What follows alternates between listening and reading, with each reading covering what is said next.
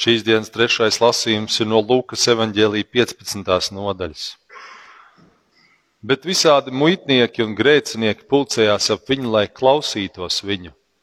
Un farizēji un rakstu mācītāji kurnēja un sacīja: Šis pieņem grēciniekus un ēd kopā ar tiem. Tad viņš tiem stāstīja šādu līdzību: Kurš no jūsu vidus, kam ir simts avis, un kas vienu no tām ir pazaudējis, neatstāja visas 99 tūkstnesī, lai ietu pakaļ pazudušajai, līdz kamēr tas to atradīs. Un to atradis tas prieka pilns, to ceļu uz saviem pleciem, un mājās nācis sasaukt savus draugus un kaimiņus, un tiem saka: Priecājieties ar mani, jo es savu pazudušo avi esmu atradis. Es jums saku, tāpat būs lielāks prieks debesīs par vienu grēcinieku, kas atgriežas nekā par 99 taisniem, kam atgriešanās nav vajadzīga. Vai arī, kura sieva, ja tā ir desmit graši un tā viena no tiem ir pazaudējusi, neaizdedzina sveci un neizmēž māju, rūpīgi meklēdam, līdz kamēr tā to atrod. Un atradus to tā sasauc savas draudzenes un kaimiņienes un saka: Priecājieties ar mani, jo es savu gresmu esmu atradusi, kuru biju pazaudējusi. Gluži tāpat es jums saku, ir prieks Dieva eņģeļiem par vienu grēcinieku, kas atgriežas.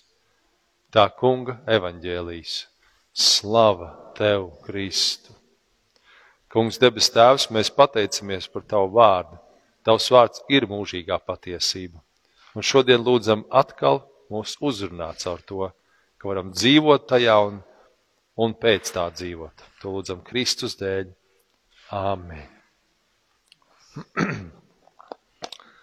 Drošot sēsties. Šodien mēs esam trešajā svētdienā pēc vasaras svētkiem, un uzruna būs par visām trim rakstu vietām. Un tā galvenā tēma, kas tā kā iet cauri um, šodienai, ir pateicība un uzmanība. Pateicība Dievam par to, ko Viņš ir devis, bet uzmanība arī nepazaudēt to, ko viņš ir devis. Uzmanība neaiziet kādos blakus ceļos vai aplam ceļos, jo arī tas ar mums var notikt. Šodien pēc vakardienas draudzes dienas, kas bija tāda pacelājoša un tāda izstāst tādas patukšākas rindas, vai varbūt tas ir cits iemesls. Es jau pagājušais minēju, un mēs kopā lūdzām arī šis tāds Jāņu laiks, pagānu laiks, kur daudz notiek dažādas pagānu izdarības, arī tas, man liekas, atstāja kaut kādu iespaidu uz cilvēkiem.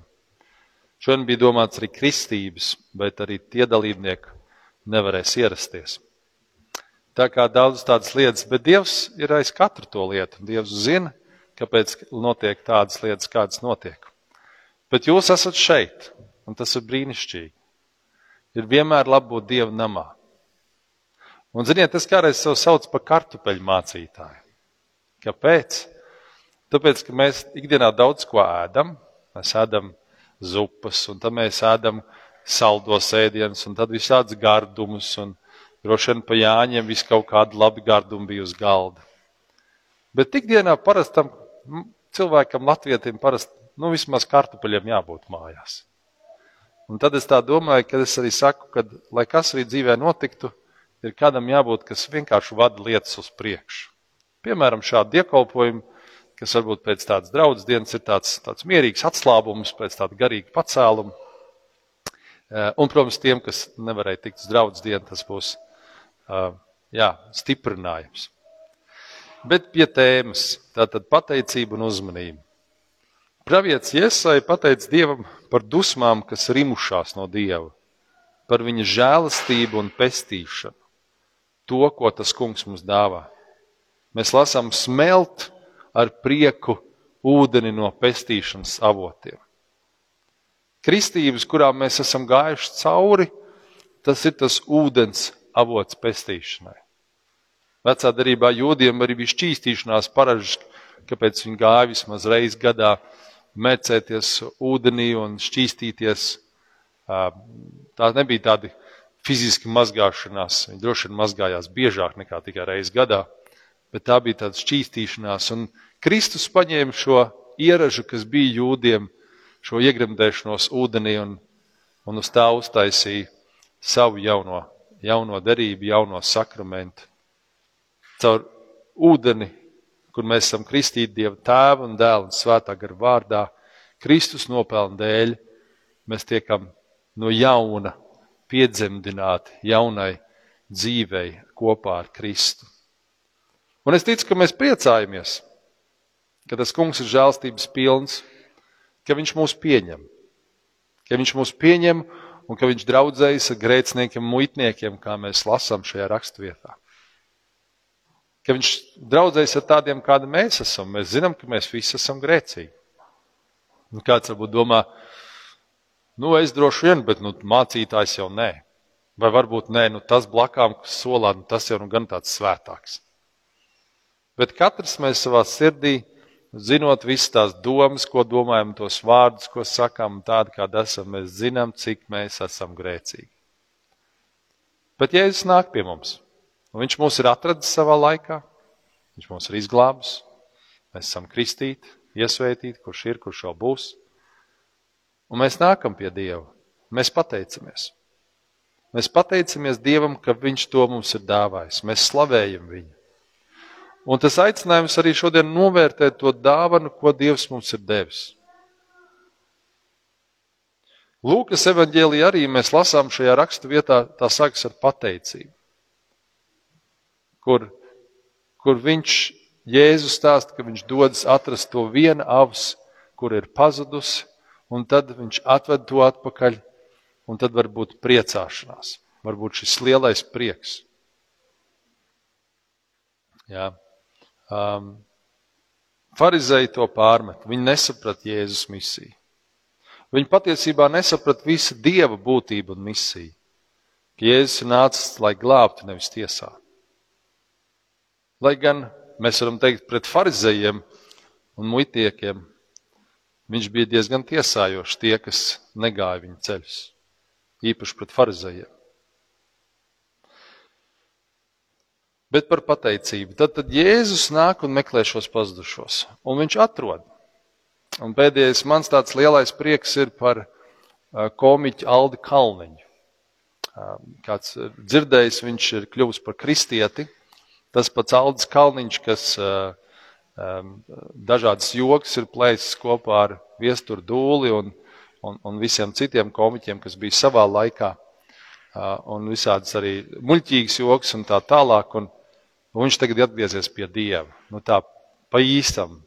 Es skatījos raidījumu, tāds YouTube ogres doms, um, kur Dainis Pandars uh, sarunājas cilvēkiem, viņas intervē. tur bija šis Aldis Kalniņš, un, un tur redz, viņš ir kristietis, cik es saprotu, aptuveni gadu. Bet viņš jau ir daudz no Bībeles lasījis, viņš jau citē Bībeli, viņš runā, viņš, uh, viņš saka, ka viņš visu savu dzīvi ir meklējis patiesībā Dievu un Dievs viņu atrada. Un ir priecīgi redzēt, ka tāds sabiedrībā zināms cilvēks ir kļuvis par pārliecinātu kristieti, kurš uh, iet pie dziedātāja uh, ūdrīša, iet un grib par viņu aizlūgt, un viņš aizlūdz, un tur notiek brīnums, un, un, uh, un, un viņš baibas sipenietes raidījumā stāsta par Dievu, un, un, un tajā anotācijā var lasīt, ka sipenietes nekur citur viņa nav varējusi aizvest, ka viss saruna arī bijusi par Dievu. Un tas ir brīnišķīgi.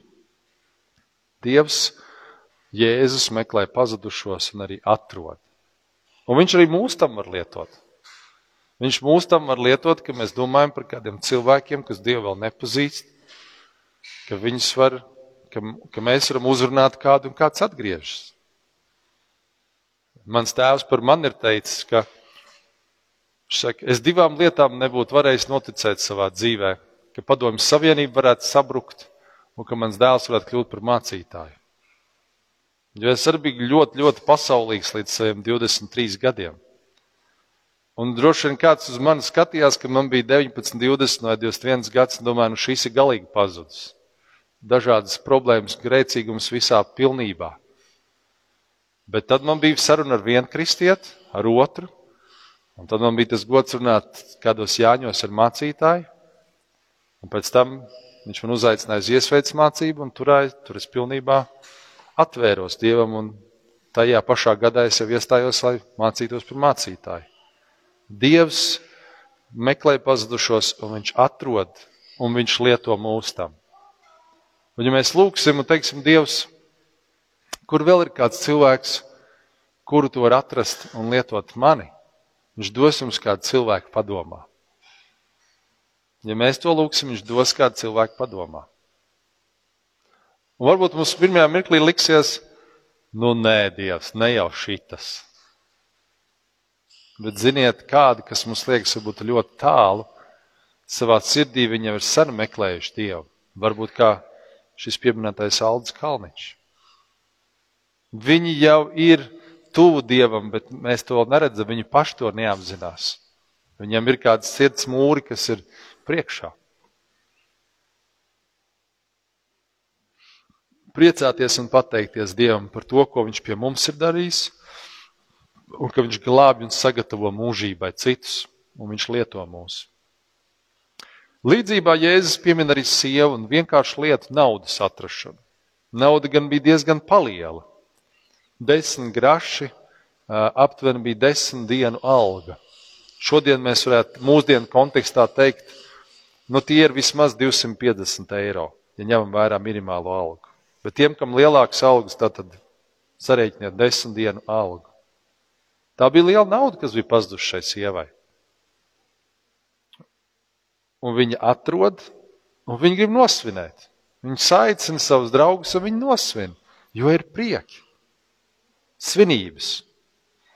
Jautājums, vai mēs bieži svinam dzīvi, vai esam pateicība par to, ko Dievs dod, par mazākām vai lielākām lietām.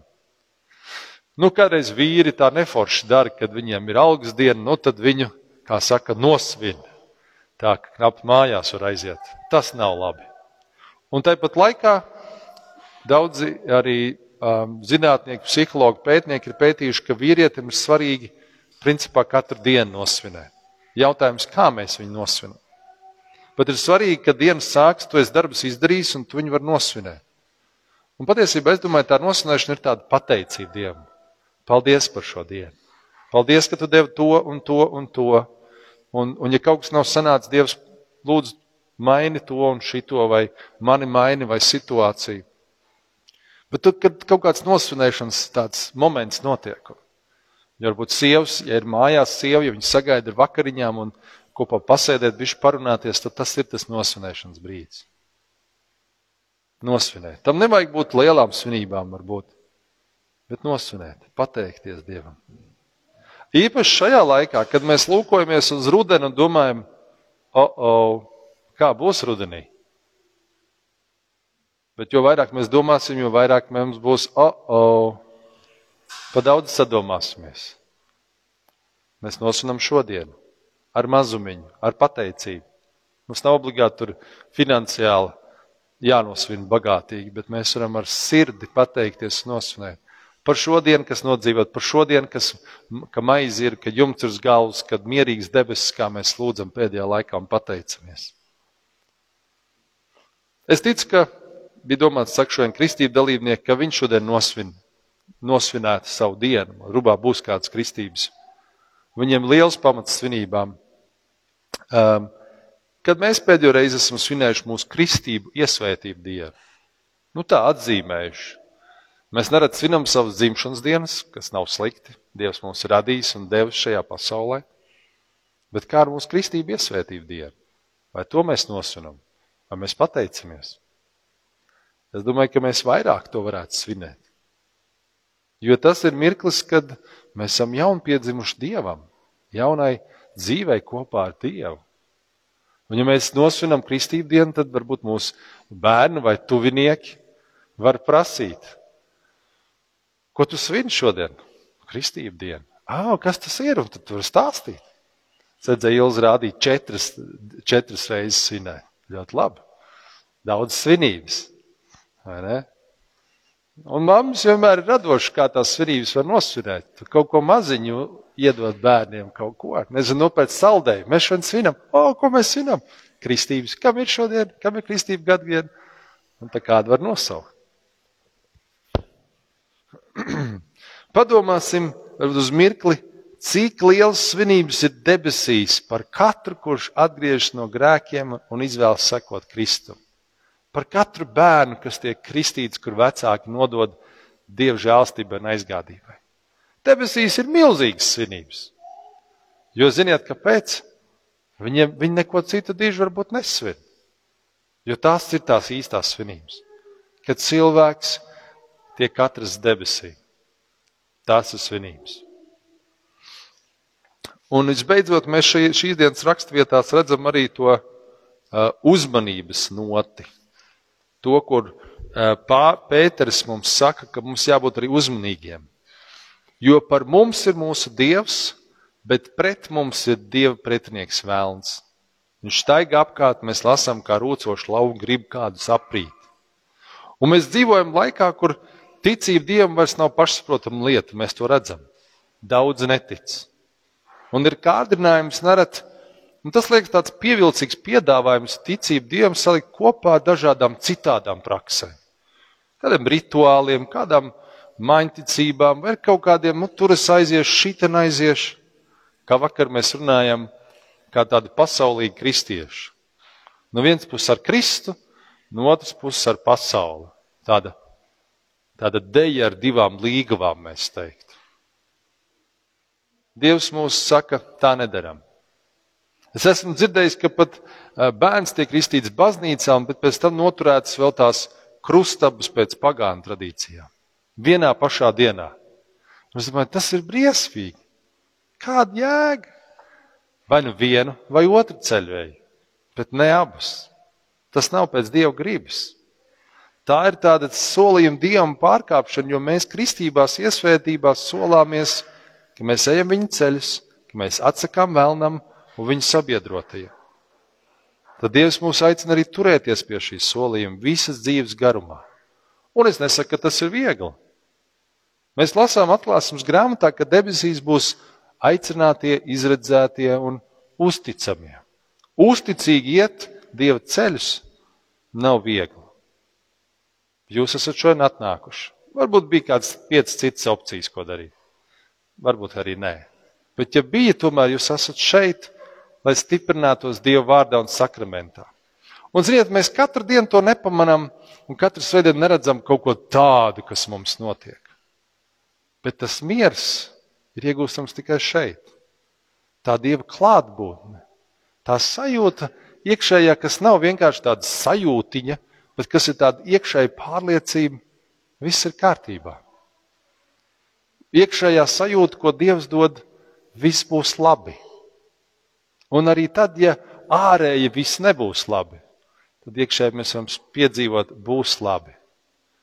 Būt šeit, dievnamā pie dieva, dieva mājokļos, teiksim, ir tas labākais, ko mēs varam izvēlēties, un tas nav pašsaprotami. Un citreiz, kā mēs esam runājuši, to tā ir garīga cīņa, lai mēs te būtu. Arī mamām kādreiz runājam, cik ar bērniem ir kādas cīņas, lai būtu šeit, lai bērni atnāktu šeit. Un bērni domā, atkal baznīca, atkal bijuši garlaicīgi, vēl kaut kas. Bet viņi ne, neapzinās to svētību, ko viņi saņem, arī tad viņi to uzreiz nejūt. Tad, nu, pateiksimies Dievam par mūsu glābšanu. Svinēsim katru reizi, kad ir kāds atgriezies pie Dieva un svinēsim arī mūsu kristību iesvētību dienas. Un būsim uz, uzmanīgi un nejauksim kopā sekošanu trīsvienīgiem dievam ar dažādu citādu garīgu prakšu, kādu, piemēram, pagānismu piekopšanu. Lai Dievs mūs bagātīgi svētī un vada pa saviem ceļiem, kā šodien, tā katru dienu. Āmen!